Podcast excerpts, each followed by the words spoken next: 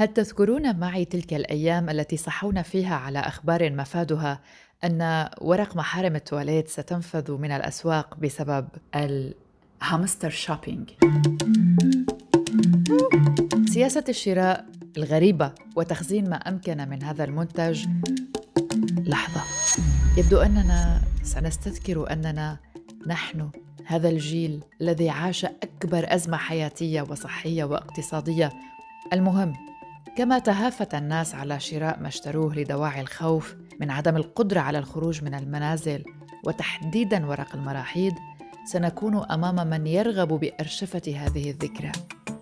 لكن ماذا لو كان هذا الشخص من الصين؟ وبهدف ربط الوباء بالفن.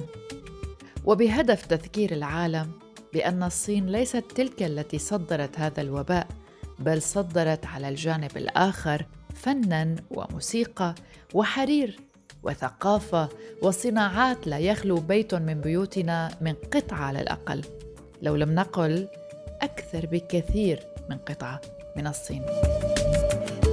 اذا لهدف ما وهذا الهدف إنساني وفني لجأت فنانة صينية إلى ورق المراحيض لرسم لوحاتها المميزة وجسدت الفن التقليدي على ورق تواليت باللون الأزرق ونقشت التنين والعنقاء بدقة على المناديل الورقية. أنجيلا هوي تبيع أعمالها مقابل 45 دولار وتأمل أن يجد الناس طريقة جديدة لتزيين حياتهم حتى في حماماتهم وسط تفشي هذا الوباء. تقول الفنانة الصينية أنجيلا هوي يجب على الفن أن يستفز الناس للتفكير في حياتهم الخاصة وأن يتماهى مع ما يجري حولنا. وتضيف بغض النظر عن جعل الناس يشترون أعمالي الفنية بسعر مناسب. آمل أن تذكر أعمالي الفنية الناس بحدث أو موقف ما وأن تعكس ما يحدث في مجتمعنا في الوقت الحالي.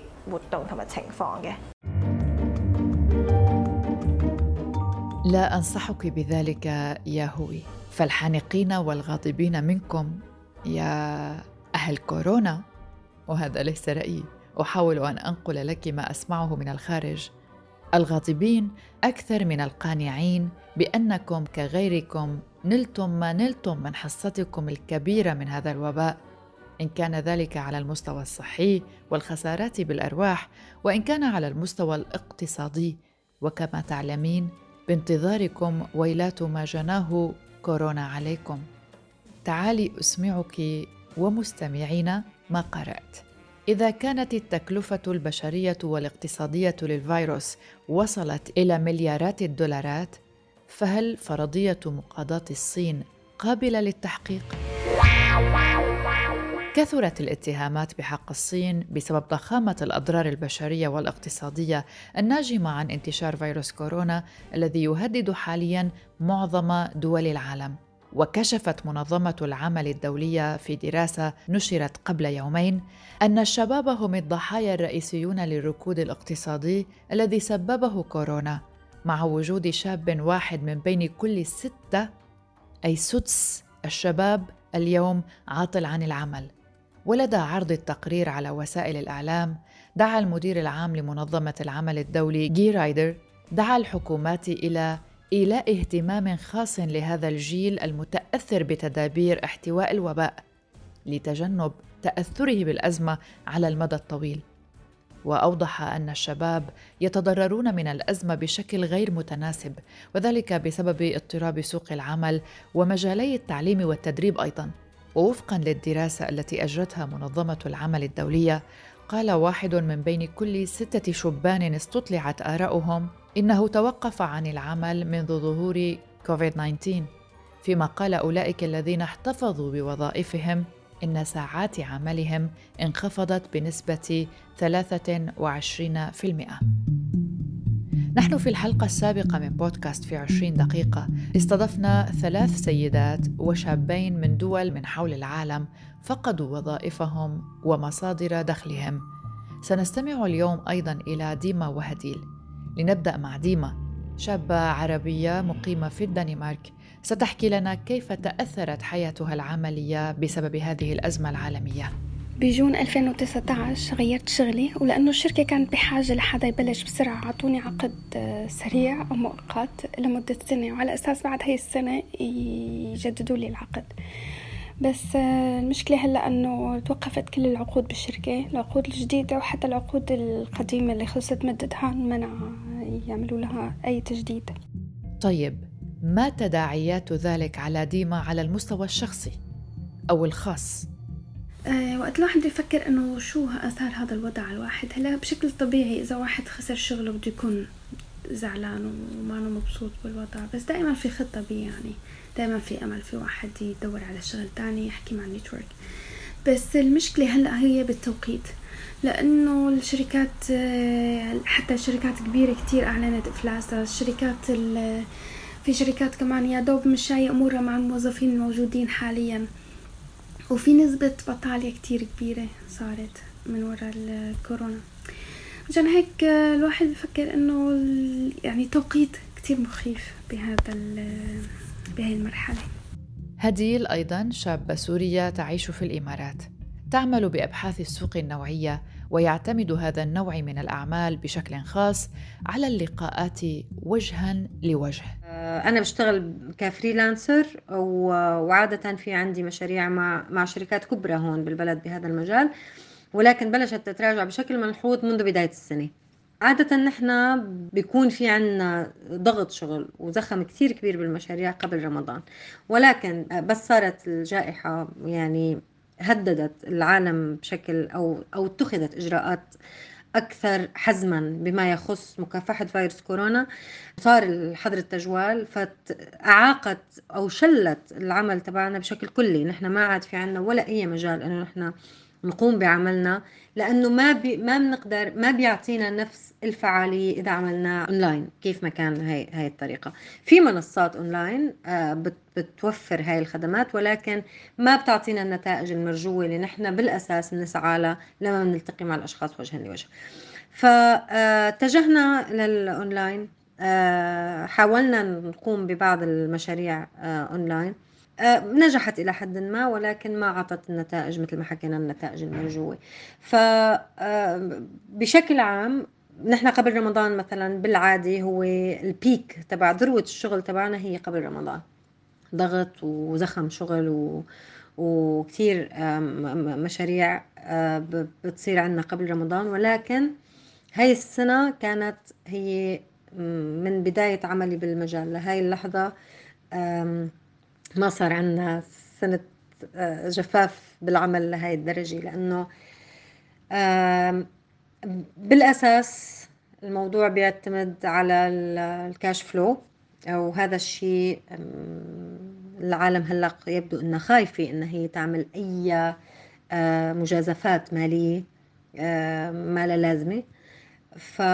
فعم يتأخر أو عم عم تتأجل المشاريع لحتى إنه اي يلا اليوم اي يلا الأسبوع الجاي اي يلا الشهر الجاي لحتى تبين لحتى تتضح الصورة الاقتصادية لل... للسوق وللعالم كله. أتوقع إنه هدول هن الشغلتين الأساسيات اللي عرقلوا عملنا ونحن ك freelancers يعني أنا ك freelancer صار في عنا يعني صار في عنا هذا هاي المشكلة لأنه نحن ما بنتعاقد مع الشركات نحن الشركات وقفت فبالتالي نحن وقفنا. الشركات ما ب... ما عادت عم بتنفذ أي مشاريع فنحن انعكس هذا الموضوع علينا بشكل غير مباشر. يعني أنا ب... لأنه الشركة اللي بتع... بتعامل معها بالعادي ما عادت أخذت مشاريع لأنه ما بتقدر تمشيها بدون مصاري وال... واللي عم تنفذ له المشروع ما عم يدفع مصاري بشكل مباشر. مع تزايد الأدلة على إخفاء السلطات الصينية الكثير من الحقائق والمعلومات حول الفيروس ترجم في الأيام الأخيرة الماضية إلى دعاوى قضائية رفعها أشخاص ومنظمات ودول ضد بكين.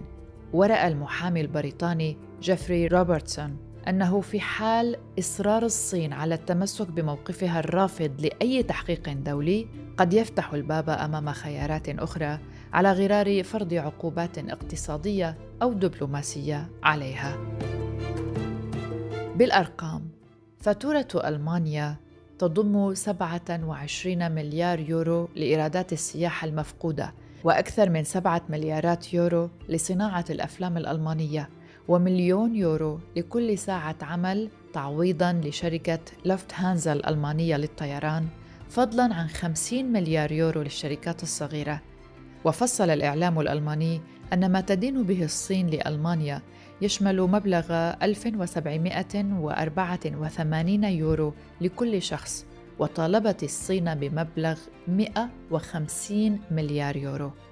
خسائر الولايات المتحدة الأمريكية تتجاوز 900 مليار دولار منها أكثر من 300 مليار دولار في قطاع السياحة والسفر خسائر إيطاليا تجاوزت ال 243 مليار يورو أما عن خسائر فرنسا فمن المتوقع أن تتجاوز وبحسب الأرقام 298 مليار يورو. الأكاديمي والباحث السياسي والخبير بالشأن الاقتصادي أدريان زينز أكد لأخبار الآن أن الخسائر تتطور كل يوم متحدثا عن تريليونات الدولارات. The London uh, Henry Jackson Institute was suggesting in a research report that China be sued في تقرير بحثي قدم معهد هنري جاكسون في لندن مقترحا لمقاضاة الصين وإلزامها بدفع مبلغ لتعويض الخسائر الاقتصادية التي ترتبت على الحكومات الغربية ولتغطية الخسائر الاقتصادية بسبب خسارة الوظائف. وبالطبع فإن المبلغ الأولي يقدر بالمليارات ولكن الرقم في تزايد مستمر كل أسبوع. الحكومة الأمريكية تنفق المزيد من المواد على إعانات البطالة ولتعويض الخسائر الاقتصادية والحكومات الأوروبية وأستراليا كذلك الأمر. هذا الوضع نشط ومستمر ونحن نتحدث عن تريليونات الدولارات. من يطالب بمحاسبة الصين؟ حملة China Must Pay. الصين يجب أن تدفع. أطلقت هذه الحملة من قبل مواطنين ورجال أعمال وإعلاميين على وسائل التواصل الاجتماعي. طالبوا فيها الصين بتحمل المسؤولية الكاملة عن انتشار الفيروس وتعويض جميع الدول وانخرطت بهذه الحملة عدة شركات محاماة أمريكية وبريطانية ولا سيما في ظل دراسات أكدت أن أعداد مصابي كورونا كان لينخفض بنسبة 95% لو كانت الصين قد كشفت حقيقة خطورة المرض أبكر بثلاثة أسابيع.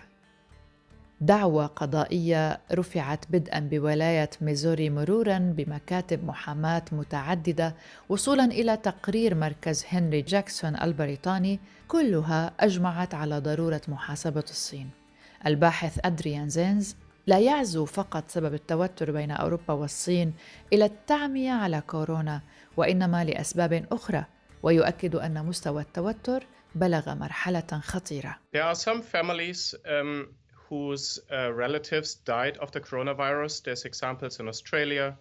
هنالك عائلات من الممكن أن أقاربهم قد ماتوا بسبب فيروس كورونا وهنالك أمثلة من أستراليا والولايات المتحدة الأمريكية هنالك مشرعون جمهوريون من الولايات المتحدة في ولاية ميزوري بالتحديد يطالبون الصين بدفع تعويضات بسبب إهمالها وسوء تعاملها مع الفيروس وأكد زينز أن بعض تلك الكيانات ترفع قضايا ضد الحكومة الصينية ويقولون إنهم تحملوا مصاريف كبيرة وهم يوجهون الاتهامات للحكومة الصينية في بكين على وجه التحديد بسبب تسترها على بيانات حساسة في بداية تفشي الفيروس وعن الترويج لنفسها كيف روجت الصين لنفسها يتحدث لنا أيضا الباحث السياسي والخبير بالشأن الصيني أدريان زينز. The situation between the European Union and China has been الوضع بين الاتحاد الأوروبي والصين ليس معقدا فقط بسبب تفشي فيروس كورونا والخسائر الاقتصادية وعدد الوفيات في إسبانيا وإيطاليا والذي يتزايد الآن في المملكة المتحدة نتيجة لتفشي الفيروس ولكن بسبب ما يسمى بدبلوماسية الأقنعة الخاصة بالصين. أيضا الحكومة الصينية تعطي إمدادات طبية ولكنها تطلب أشياء أخرى في المقابل. تحاول الصين كسب ثناء العائلة أولا من خلال الترويج لنفسها عن طريق التبرعات الطبية وثانيا من خلال الإقرار أنها قامت بعمل رائع بمساعدتها للعالم. إذا بدلا من الاعتراف بتسترها وتسببها في تفشي هذا الوباء بإسكاتها الأشخاص الذين تنبأوا وبلغوا عن الأمر وباعتقال الناس داخل البلاد وقمعها للأنباء تطالب الصين الآن بالرواية العالمية النقيضة أي أنها تصرفت بشكل صحيح وبأنها منعت تفشي الفيروس وساعدت العالم. والمرحلة الثانية في المساعدة هي شحن الإمدادات الطبية إلى العالم بما في ذلك الدول الأوروبية. يقول زينز أن دبلوماسية الأقنعة الآن والضغط الدبلوماسي الذي مارسه دبلوماسيو بكين على الحكومات المحلية خاصة في فرنسا وألمانيا أتى بنتائج عكسية ومواقف الاتحاد الأوروبي من الصين تتسم بسلبية كبيرة لا سيما في فرنسا حيث ادعت السفارة الصينية هناك أن السلطات الفرنسية أهملت في مساعدة الشعوب وأن الوضع مريع هناك لدرجة أن الممرضين في المشافي تخلوا عن المرضى. And the aim here, of course, of the Chinese diplomats is to portray the Chinese response as far superior to the European response. هدف الدبلوماسيين الصينيين هنا هو تصوير أن استجابة الصين كانت سريعة مقارنة باستجابة الاتحاد الأوروبي الآن وفي مكان كأوروبا ذات التاريخ الطويل والعريق يمكننا تخيل كيف أن هذه الاستراتيجية ستأتي بنتائج عكسية. والعلاقات الدبلوماسية بين الاتحاد الأوروبي وبكين قد وصلت إلى أدنى مستوى بالتأكيد. حسب زينز الصين الآن تتبع ما يسمى دبلوماسية المحارب الذئب وهي مواجهة أي انتقاد دولي بشكل عنيف حتى لو كان الانتقاد بسيطا. طلبت الدول الأوروبية أولا إجراء تحقيق ثم طالبت أستراليا بإجراء التحقيق وبدأت الولايات المتحدة الأمريكية بطلب ذلك أيضا. الآن جميع هذه الاقتراحات مبررة ولكن الصين قامت بالرد عليها بشكل عنيف وأصبح الرد الهجومي استراتيجية الصين الدبلوماسية ورد فعلها الطبيعي ومن خلال القيام بذلك تفقد بكين الآن المزيد من النوايا الحسنة وتقوم باستدعاء الدول الغربية بشكل أكبر.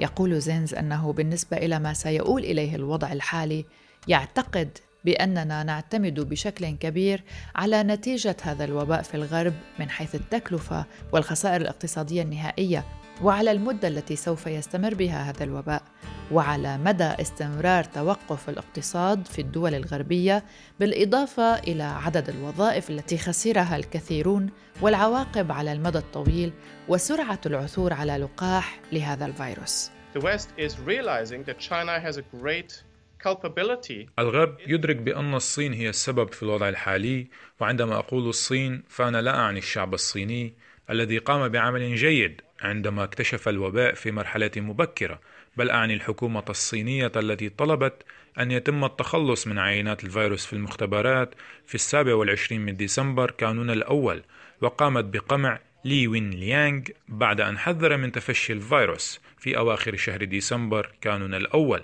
وفي الرابع عشر من يناير كانون الثاني كانت تعلم بالفعل أن تفشي الفيروس سيسيطر ليصبح وباء على مستوى البلاد ولكنها أبقت الأمر سرا في الدوائر الداخلية ولم تقم بالإفصاح عنه حتى وقت لاحق في شهر يناير كانون الثاني. الجميع الآن يدرك هذا الأمر وهذا يشكل ضغطا خطيرا جدا على المستوى الدولي حيث أن المتشددين في الولايات المتحدة بشكل خاص بدأوا يصبحون عدوانيين وهم يطالبون بمعاقبة الصين. يعتبر زينز أن هذا الوضع خطير لأن الولايات المتحدة بدأت تأخذ المزيد من الإجراءات ضد الإعلام الصيني إذ إنها تقوم بتقييد التأشيرات لمدة 90 يوما فقط لحاملي الجوازات الصينية الذين يعملون في وسائل الإعلام في الولايات المتحدة الأمريكية. This is actually quite a dangerous situation هذا الوضع هو بمثابة معاملة بالمثل ومن الممكن أن يستمر على المستوى الدبلوماسي أو الإعلامي أو حتى على المستوى التجاري لأن اتفاقية التجارة في خطر الآن والاقتصاد الصيني في تدهور. جميع هذه الأمور مجتمعة تتسبب في وضع خطير جدا وأنا أعتقد أن الأسابيع والأشهر القادمة ستكون مصيرية في مراقبة تطورات الوضع الحالي. كنتم تستمعون إلى حلقة جديدة من بودكاست في عشرين دقيقة. في هذه الحلقة شاركنا كل من الفنانة الصينية أنجيلا هوي أدت صوتها الزميلة مها فطوم. وفي أداء صوت الأكاديمي والباحث السياسي والخبير بالشأن الصيني أدريان زينز كان معنا شريف صليبي. ضيوف هذه الحلقة أيضا كانوا السيدة هديل أبو زيدان والسيدة ديما من الدنمارك. هذه الحلقة من إعدادي وتقديمي براء صليبي. إلى اللقاء.